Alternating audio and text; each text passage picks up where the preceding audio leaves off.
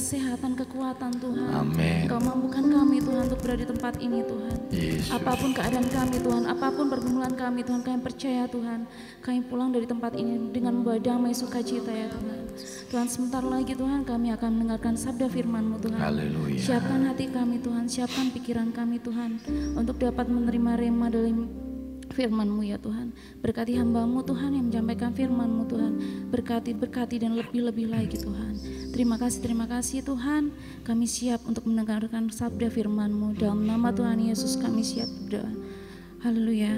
Amin. Amin. Puji Tuhan. Silakan duduk. Selamat pagi. Selamat kita boleh kembali bertemu dalam kasih Tuhan Yesus Kristus. Bapak Ibu sudah diberkati pada pagi yang indah ini. Puji Tuhan. Allah yang kita sembah adalah Allah yang ajaib, yang luar biasa, yang boleh menolong kita semua. Puji Tuhan ya. Saya berharap kita selalu ada dalam kondisi yang tetap semangat ya, tetap berkobar-kobar di dalam kita mengikut dan mengiring Tuhan ya. Inilah waktunya.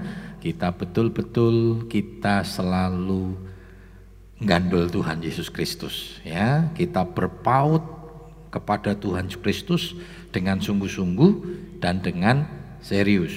Bapak Saudara kalau melihat firman Tuhan yang saya sampaikan di dalam bulan Januari ini ya mendekati bulan uh, Desember ya bagaimana kita harus tetap berpaut kepada Tuhan kita harus betul-betul mengandalkan Tuhan ya.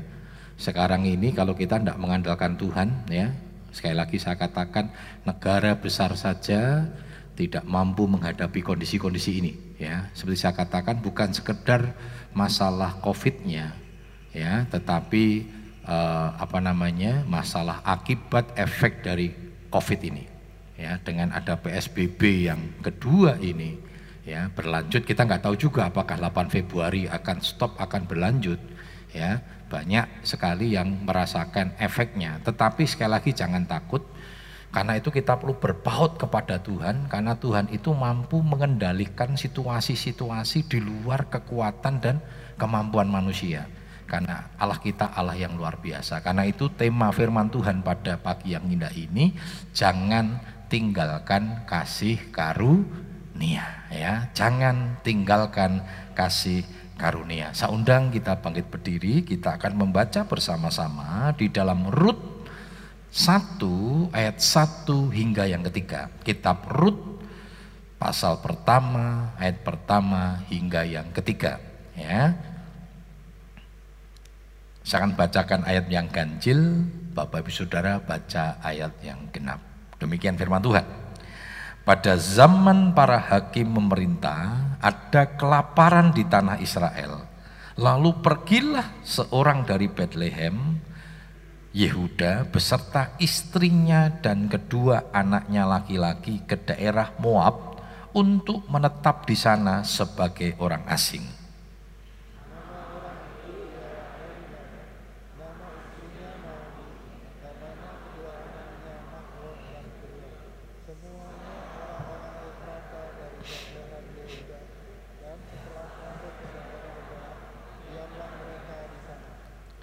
Kemudian matilah Elimelek, suami Naomi, sehingga perempuan itu tertinggal dengan kedua anaknya. Silakan duduk. Ya, ini saya kira percaya cerita tentang Ruth ini kita semua sudah pernah membaca, mendengar, membaca sudah ya, mendengar dan membaca. Harapan saya sudah pernah membaca sudah ya. Harapan saya sudah membaca dan membacanya dengan sungguh-sungguh karena banyak sering kali kita jadi anak Tuhan tapi nggak pernah membaca Alkitab dengan sungguh-sungguh sehingga cerita-cerita itu sering kali nggak ngerti sudah ya. Apalagi nanti ditanya sama anaknya sudah ya. Nah bersyukur sudah kalau bapak saudara yang sudah seusia saya yang punya anak ini dulu rajin sekolah minggu. Nah saya bersyukur sudah.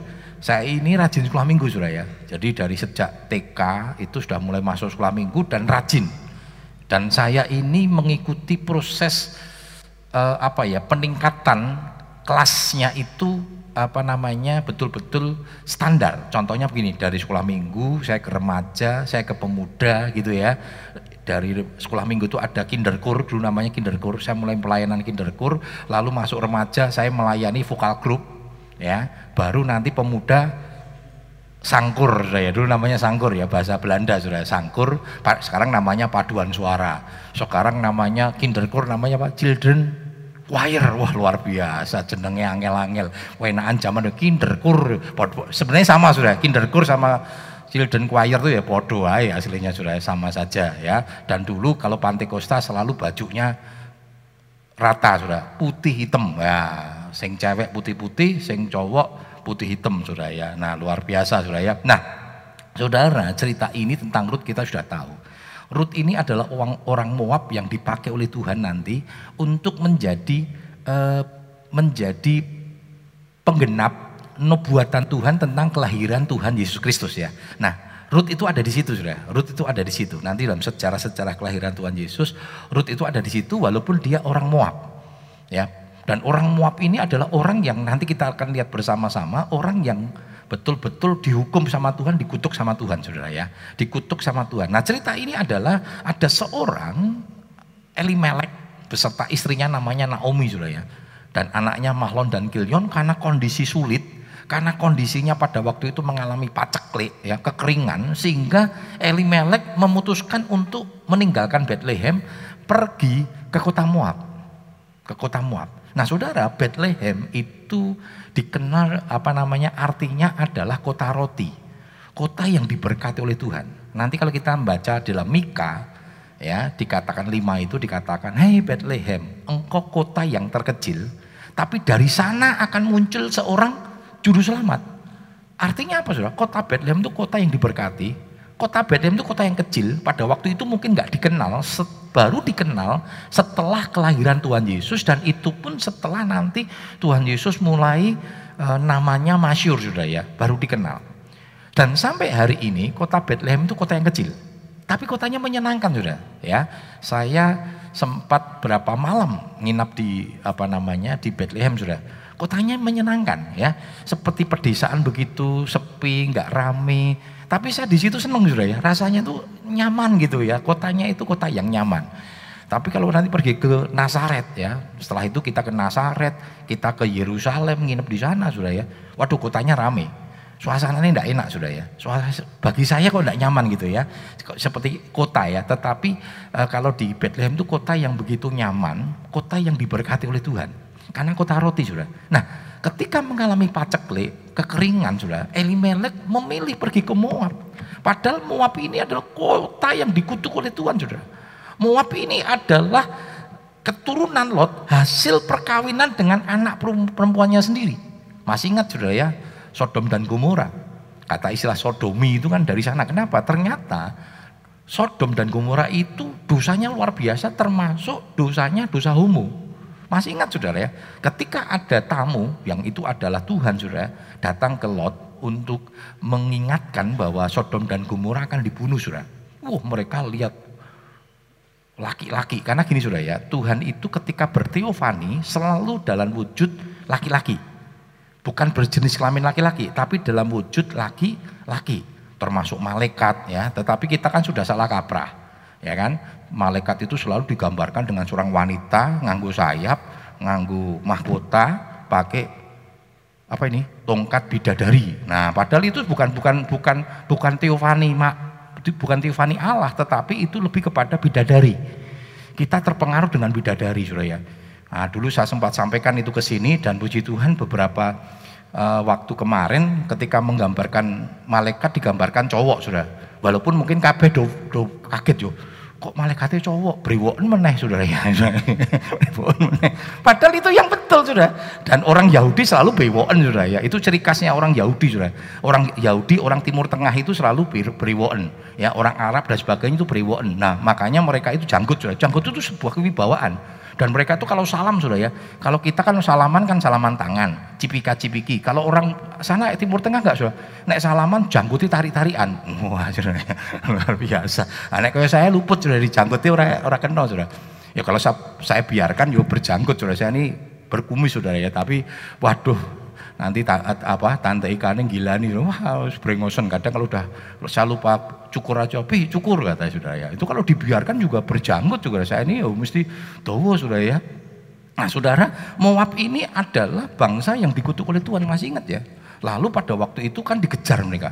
Dikejar saudara, dikejar mau apa? Mau dipakai, bahasa dipakai saudara ya. Jadi mungkin bahasanya mah diperkosa gitu saudara ya. Sampai dikejar ke Lot saudara ya. Mereka ketok-ketok rumahnya Lot. Dia bilang, eh aku lihat ada dua laki-laki itu, tolong suruh keluar. Kami mau pakai. Ini kata pakai itu artinya mau diperkosa saudara. Sesama laki-laki. Nah tapi Lot ini juga kalau kita lihat kelihatannya apik sudah ya, mau melindungi, tetapi rohnya sudah terpengaruh sudah Lot ini. Apa yang di, dikatakan oleh Lot? Diambillah dua anak gadisnya, lalu di, di, dikasih sudah. Gini aja lah, jangan jangan pakai tamu saya. Ini anak puluru, wis terserah kamu mau apain sudah. Luar biasa sudah ya. Ini kalau ada orang tua yang model begitu sudah, yuk, terkutuk juga orang tua ini sudah. Itu rohnya Lut berarti kan sudah terpenengan dengan roh dosa per, dosa sek yang luar biasa itu Sodom Gomora sudah. Makanya dihanguskan oleh Tuhan, di, dibakar habis sudah. Ini roh-rohnya sudah mengerikan sudah. Roh dosanya itu mengerikan. Tapi mereka nggak mau, enggak, nggak mau. Berarti ini memang roh sodominya, roh homoseknya itu udah luar biasa sudah. Itu muak. Ya, akhirnya apa sudah? Akhirnya dibakar, dihancurkan sudah ya, dibakar, dihancurkan. Nah, sudah kita bisa lihat sudah sudah ada di tempat yang diberkati oleh Tuhan, tapi sering kali karena terjadi persoalan masalah, kita berpikir kita mau lari dari itu.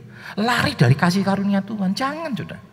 Berapa banyak kita sering kali menghadapi sudah, kita sudah tinggal dalam kasih karunia Tuhan. Tempat yang tepat, tempat yang diberkati oleh Tuhan. Begitu ada persoalan sedikit, ada masalah sedikit, lalu kita berpikir ketika kita tinggalkan kasih karunia Tuhan, kita bisa mendapatkan kasih karunia yang lebih besar. Enggak ada sudah.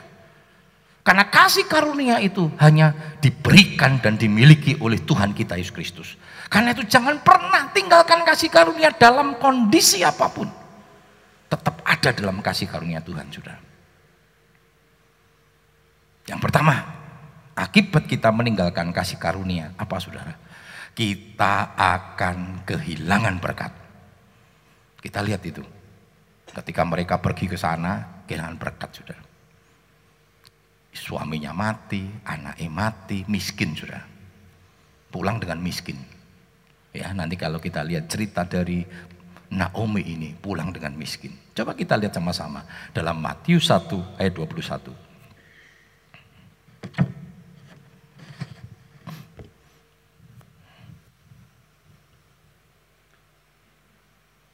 Rut 1 ya. Ayat 21 ya. Rut 1 ayat 21. Dengan tangan yang penuh aku pergi, tetapi tangan dengan tangan yang kosong Tuhan memulangkan aku. Mengapakah kamu menyebutkan aku Naomi? Karena Tuhan telah naik saksi menentang aku dan yang maha kuasa telah mendatangkan malapetaka kepadaku. Berarti kan saudara, karena Naomi, Elimelek meninggalkan kasih karunia. Akibatnya apa? Dia kehilangan berkat. Naomi berkata, aku datang dengan tangan penuh. Sebenarnya pada waktu dia pergi ke Moab, dia masih kaya saudara. Dia masih kaya, tapi takut. Berapa banyak ketika kita menghadapi persoalan, padahal kita masih diberkati. Kita masih diberkati. Kita masih mampu bertahan hidup. Tapi sepertinya hari esok, nah ingat sudah firman Tuhan minggu yang lalu tuh. Hari esok tuh sepertinya sudah terkutuk bagi kita. Berapa banyak itu terjadi. Elimelek dan Naomi kan takut hari esok sudah. Waduh nih paceklik ini, ini kekeringan nih, nanti kita mati, kita nggak bisa makan nanti. Naomi berkata, berangkat dengan tangan penuh, berarti dia masih kaya sudah. Dia tidak mau bertahan dengan kasih karunia Tuhan, sementara kasih karunia Tuhan itu membuat kita mampu bertahan. Baru menghadapi persoalan, kesulitan kita sudah lari dari kasih karunia. Akibatnya apa sudah? Rut dan Elimelek kehilangan berkat. Jangan tinggalkan kasih karunia, karena itulah tempat berkat kita. Jangan pernah tinggalkan kasih Tuhan, karena di situlah kekuatan kita, pemeliharaan Tuhan yang Tuhan kerjakan dalam hidup kita, di luar kasih karunia Tuhan. Nggak ada apa-apa sudah. Karena dengan kita keluar dari kasih karunia Tuhan, meninggalkan kasih karunia Tuhan sama saja kita merasa tidak perlu Tuhan. Pada firman Tuhan katakan nama terkutuk orang yang mengandalkan kekuatan manusia. Jangan pernah tinggalkan. Saudara kenapa saudara? Karena berkat itu datangnya dari Tuhan. Mazmur 3 ayat yang 9. Mazmur 3 ayat yang ke-9. Dari Tuhan datang pertolongan, berkatmu atas umatmu. Perhatikan saudara, dari Tuhan datang pertolongan berkatmu atas umatmu. Berkat itu datangnya dari Tuhan saudara. Dan berkat yang murni, berkat yang tulus, itu datangnya dari Tuhan. Kalau orang lain atau kuasa-kuasa lain mungkin bisa sepertinya saya bilang, sepertinya memberikan berkat, sepertinya memberikan berkat, tapi tidak ada yang gratis sudah di dunia ini selain Tuhan. Karena Tuhan itu nggak pernah pamrih, saudara. Ketika dia berikan, dia tulus karena dia memiliki kasih. Kasih itu menyebabkan kita tulus, saudara. Betul nggak, saudara? Kalau ada suami mengasihi istrinya, melayani suaminya, ketika dia bekerja memberikan gajinya sepenuhnya kepada istrinya karena kasih sudah, bukan karena pamrih. Kalau ada suami-suami yang pamrih saudara, engkau tidak diberkati oleh Tuhan. Wis kerja, dikasih uangnya semuanya sama istrinya gitu ya. Waktu pulang, ora disiapke banyu panas, ora kopi, terus nesu saudara. Oh ngono ya. Padahal semua gajiku aku kerja mati-matian ku berikan kepadamu. Kopi panas ya tidak kau sediakan. Itu namanya pamrih saudara. Mungkin istri kita baru capek. Kan nggak pernah tahu saudara. Betul nggak saudara? Kita nggak pernah tahu loh saudara. Pokoknya neng omah tok ibu rumah tangga loh ibu rumah tangga ya buat saudara saya pernah ditinggal waktu Bu Ika ke Penang sudah ya untuk menyelesaikan studi akhirnya. Hampir tiga minggu sudah, waduh kelenger gitu. Sebelum pergi wis dikasih catatan, nanti ya hari ini Senin sampai ini seragam ini. Waduh. Mangane nek sing gede ini sing cilik ini. Waduh sudah ya. Nanti hari apa ini les ini, ulangan ini. Waduh. Orang di Penang aja masih ngebel. Ini nanti ulangan ini loh sudah ya. Mateng gitu ya sudah ya. Pusing sudah ya. Lo nggak gampang loh sudah. Nggak gampang. Makanya saya pernah marah sama salah seorang teman saya. Ya. Karena dia waktu itu eh, saya waktu masih kuliah di Jakarta, waktu pulang ke Solo, dia sempat telepon, Gus, neng rumahku, aku mau konseling katanya. Saya tanya kenapa?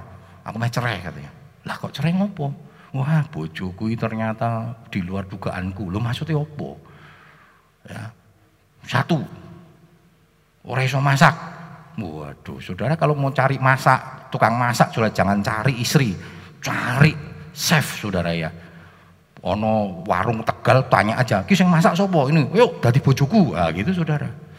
Orang iso mijeti, lu kurang ajar ini bojo wong wong lanang kadang kurang ajar ya. Golek bojo sing iso masak, sing iso mijeti. Saudara jangan cari istri yang keibuan kalau begitu. Carilah istri yang kebabuan. Ini kan kurang ajar namanya.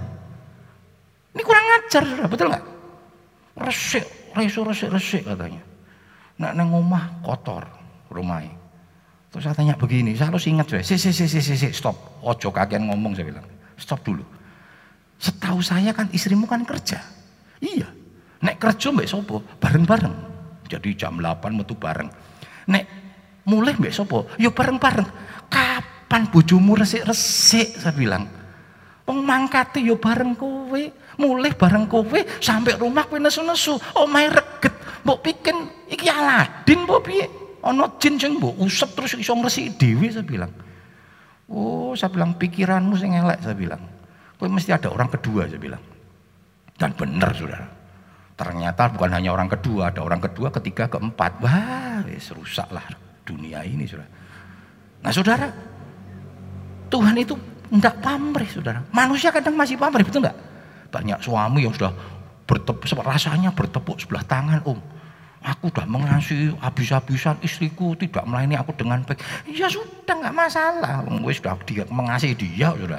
Doakan supaya istrimu bisa mengasihimu dengan baik. Ada istri yang sakit hati.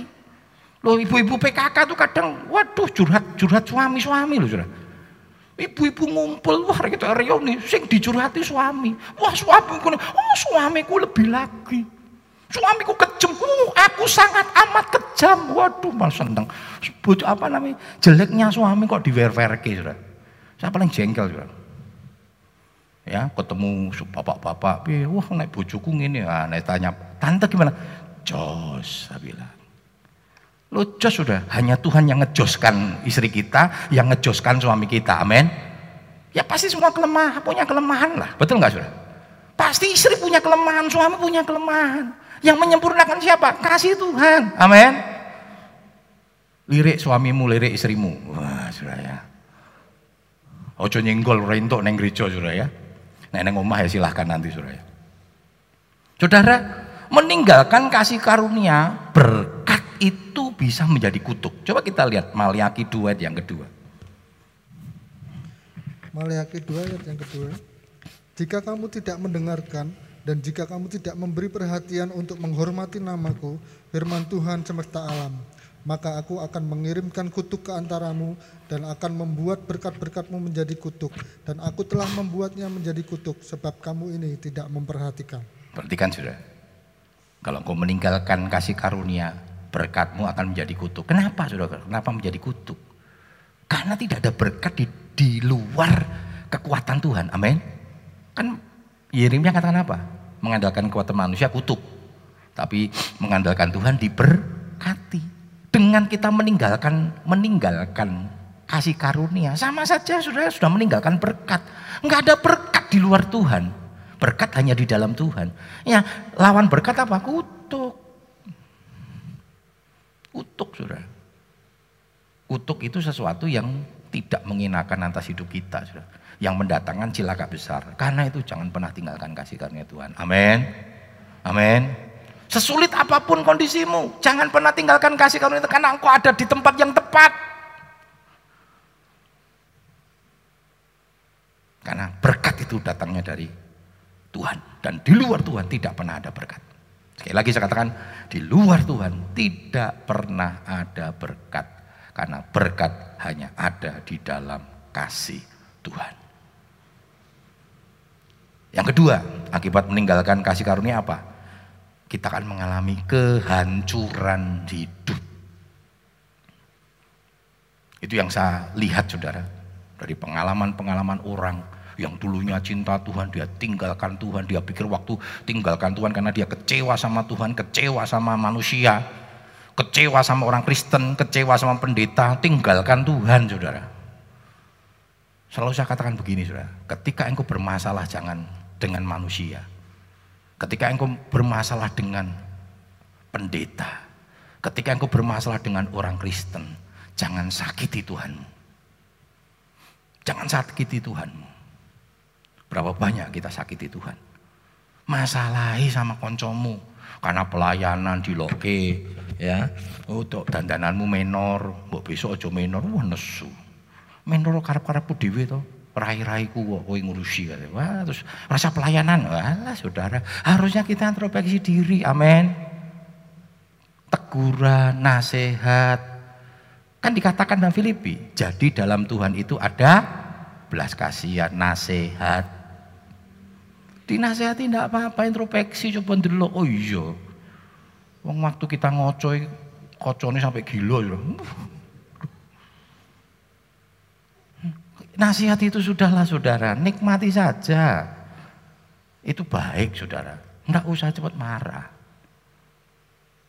Dan jangan sakiti Tuhan, terus gitu mutung, wes rasa ngelayani, kata ya aduh. Saudara yang sakiti Tuhan. Jangan berpikir sudah dengan begitu sudah. Saudara, wah rasanya puas enggak saudara. Tetapi ketika engkau dengar rendah hati, terima itu. Walaupun mungkin tidak seperti yang disampaikan orang itu. Mau falas, wah saudara. Kadang aduh ya, introspeksi lah. Kalau falas ya berbaiki lagi. Enggak pun, enggak apa-apa ya sudah. Tapi terima saja tuh. Lebih baik, yo sudah terima kasih ya, terima kasih ya sudah dikritik, terima kasih sudah dinasehati, bersyukur sudah, betul nggak? Kalau orang itu sama kita, apa memang pengen jatuhin? Dengan kita begitu, sebenarnya kita sedang firman Tuhan katakan? Kita sedang naruh bara di atas kepalanya. Terima saja. Oh ya, makasih. Ini, oh ya, puji Tuhan. Saya akan perbaiki, saya akan evaluasi. Kan penak, saudara. Saudara ora loro ya, orang itu juga gagal untuk menyakiti saudara. Amin. Wah, ya loro om, orang rasa, orang rasa. Waduh, sakitnya tuh di sini. Ya biarkan sakitnya tuh di sono, sudah jangan di sini, sudah. Ya. Yeskiel 38 ayat 10, 33 ayat 10. Yeskiel 33 ayat 10. Dan engkau anak manusia, katakanlah kepada kaum Israel, kamu berkata begini, pelanggaran kami dan dosa kami sudah tertanggung atas kami, dan karena itu kami hancur. Bagaimanakah kami dapat tetap hidup? Berarti kan saudara, karena kita meninggalkan kasih karunia, kita tidak lagi hidup di dalam kasih karunia Tuhan, tidak hidup dalam kebenaran. Firman Tuhan katakan apa? Hancur. Ketika engkau tinggalkan kasih karunia berarti engkau tidak lagi hidup dalam kebenaran firman Tuhan. Engkau tidak mengandalkan Tuhan, hidupmu akan hancur. Tapi walaupun engkau sudah menghadapi persoalan seberat apa pun, sesulit apa pun, sekritis apa pun, engkau tetap mengandalkan Tuhan dan hidup dalam kasih karunia, selalu ada solusi, selalu ada berkat Tuhan yang Tuhan sedang siapkan untuk hidup kita. Coba kita lihat saudara, orang yang bernama Raja Salomo hidupnya hancur karena meninggalkan kasih karunia sebab lebih mencintai istri-istrinya. Salomo ini kan memulai karirnya dengan luar biasa Saudara ya. Kita tahu ketika dia dipilih, dia pun dipilih dari kondisi papa mamanya yang tidak baik. Jadi jangan pernah kita jangan kena kita menghakimi orang Saudara ya. Salomo kan anak anaknya siapa Saudara? Anak siapa? Siapa saudara? Nah lo, guru-guru selam minggu. Salomo menikah dengan istrinya Uria. Ah, guru. Berseba saudara ya. Betul? Gara-gara Daud orang nyambut gawe malah jalan-jalan di atas sotoh lihat Betseba man mandi. Juga kita belum tahu sudah. Ini memang Betseba itu itu kamar mandinya memang di situ. Opo ngerti wayai wayai Raja Daud itu sering kali tengok-tengok neng soto terus dia adus saudara. Dan akhirnya terjadi persinahan. Anak hasil persinahan itu mati sudah. Ya kan? Tapi setelah itu kan diambil istri. Ya dia sah saudara. Zaman dulu kan rojo punya istri berapapun sah saudara. Akhirnya anak lahirlah si Salomo. Dan Salomo itu menjadi raja ya menjadi raja. Jadi nanti kalau kita lihat sudah ada banyak fakta-fakta sejarah ya yang Tuhan ingin menunjukkan pada kita dosa itu di hadapan Tuhan Tuhan ampuni. Ketika itu bertobat. Dan Daud itu berkenan di hadapan Tuhan. Kenapa? Daud ini luar biasa sudah. Kalau dia berbuat dosa dia sadar dia minta ampun dia merendahkan hati di hadapan Tuhan. Itu yang penting sudah. Itu yang penting ya Nah saudara kita lihat Salomo itu luar biasa. Waktu awal-awal pelayanannya luar biasa. Mau ditanya sama Tuhan jalur opo. Mintanya hikmat saudara. Tapi sayang. Di akhir masa-masa karirnya saudara. Dia hancur kenapa? Dia tinggalkan kasih karunia. Dia tidak lagi hidup dalam ketaatan kepada Tuhan. Coba kita lihat dalam satu Raja-Raja 11 ayat 1 hingga 4. Satu Raja-Raja 11 ayat 1 sampai yang keempat. Adapun Raja Salomo mencintai banyak perempuan asing. Di samping anak Fir'aun, dia mencintai perempuan-perempuan Moab, Ammon, Edom, Sidon, dan Her. Padahal tentang bangsa-bangsa itu Tuhan telah berfirman kepada orang Israel, Janganlah kamu bergaul dengan mereka, dan mereka pun janganlah bergaul dengan kamu. Sebab sesungguhnya mereka akan mencondongkan hatimu kepada Allah-Allah mereka. Hati Salomo telah terpaut kepada mereka dengan cinta. Ia mempunyai 700 istri dari kaum bangsawan dan 300 gundik istri-istrinya itu menarik hatinya daripada Tuhan. Sebab pada waktu Salomo sudah tua, istri-istrinya itu mencondongkan hatinya kepada Allah-Allah lain, sehingga ia tidak dengan sepenuh hati berbuat kepada Tuhan Allahnya, seperti Daud ayahnya. Wah luar biasa, ojo ditiru ya sudah ya. Jangan pernah pengen dan niru. Ya toh, si J diopeni sing apik luar biasa sudah. Saling mencintai hebat sudah. Ini luar biasa 700 ya sudah. Dan 300 gundik Sewu sudah. Saya tidak tahu kira-kira Salomo apa enggak sudah. Kira-kira apa enggak Salomo sudah? Apal. Kenapa? Ingat lupa loh. Salomo itu punya hikmat yang hebat. Ya.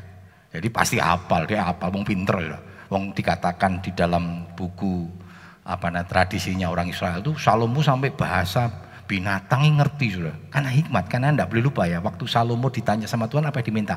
Hikmat. Tapi sayang sudah.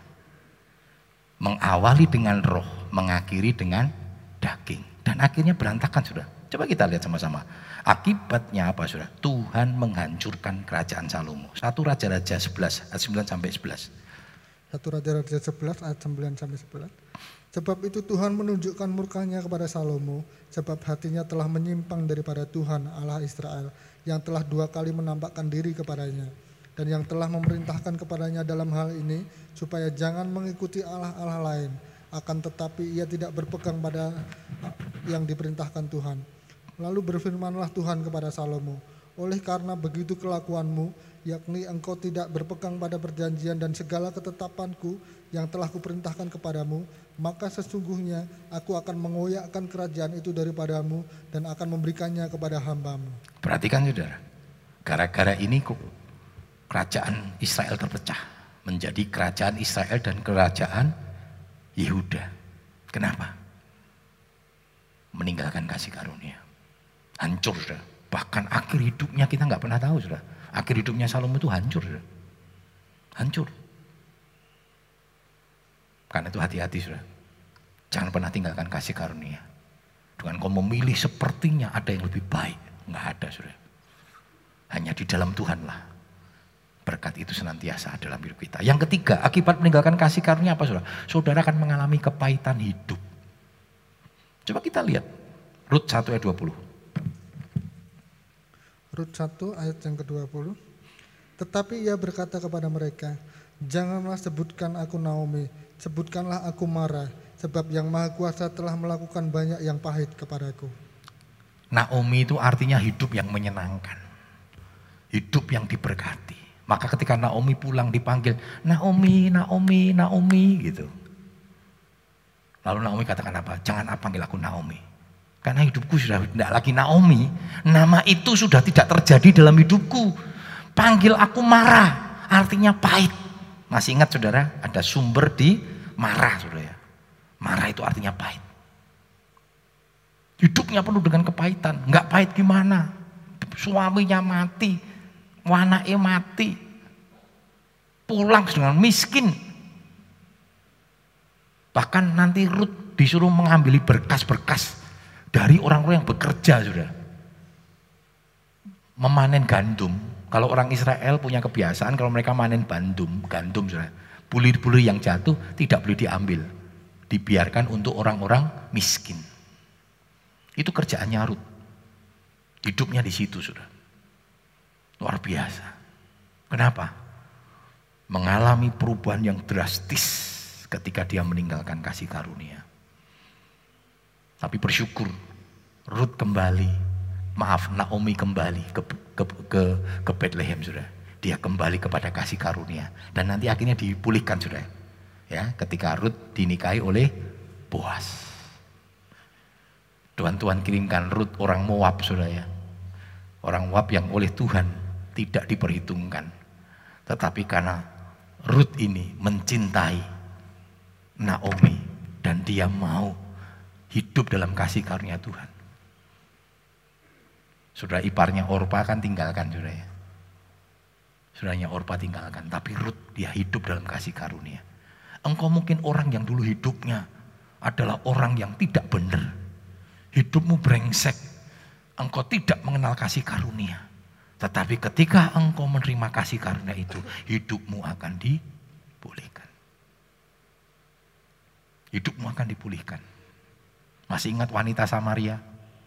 Ketika berbincang-bincang dengan Tuhan di sumur Yakub. Tuhan menceritakan tentang kasih karunia. Tuhan berkata begini, kalau engkau ngerti apa itu kasih karunia, niscaya engkau akan menikmati kasih karunia itu. Dan akhirnya wanita Samaria itu menikmati kasih karunia, hidupnya diubahkan. Dia bersaksi pulang ke kota Samaria, dia bersaksi dan Alkitab berkata, dan pada waktu itu banyak sekali orang-orang Samaria mendengarkan kesaksian dari wanita ini Dan nanti dalam perjalanan pelayanan Tuhan Yesus banyak orang-orang Samaria yang diselamatkan. Dia lebih memiliki iman yang kuat kepada Tuhan.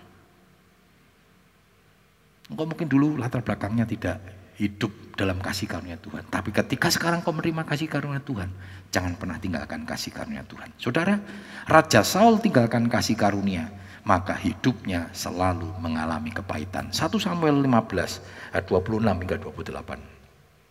1 Samuel 15 ayat 26 sampai 28. Tetapi jawab Samuel kepada Saul, Aku tidak akan kembali bersama-sama dengan engkau, sebab engkau telah menolak firman Tuhan. Sebab itu Tuhan telah menolak engkau sebagai raja atas Israel. Ketika Samuel berpaling hendak pergi, maka Saul memegang puncak jubah Samuel tetapi terkoyak.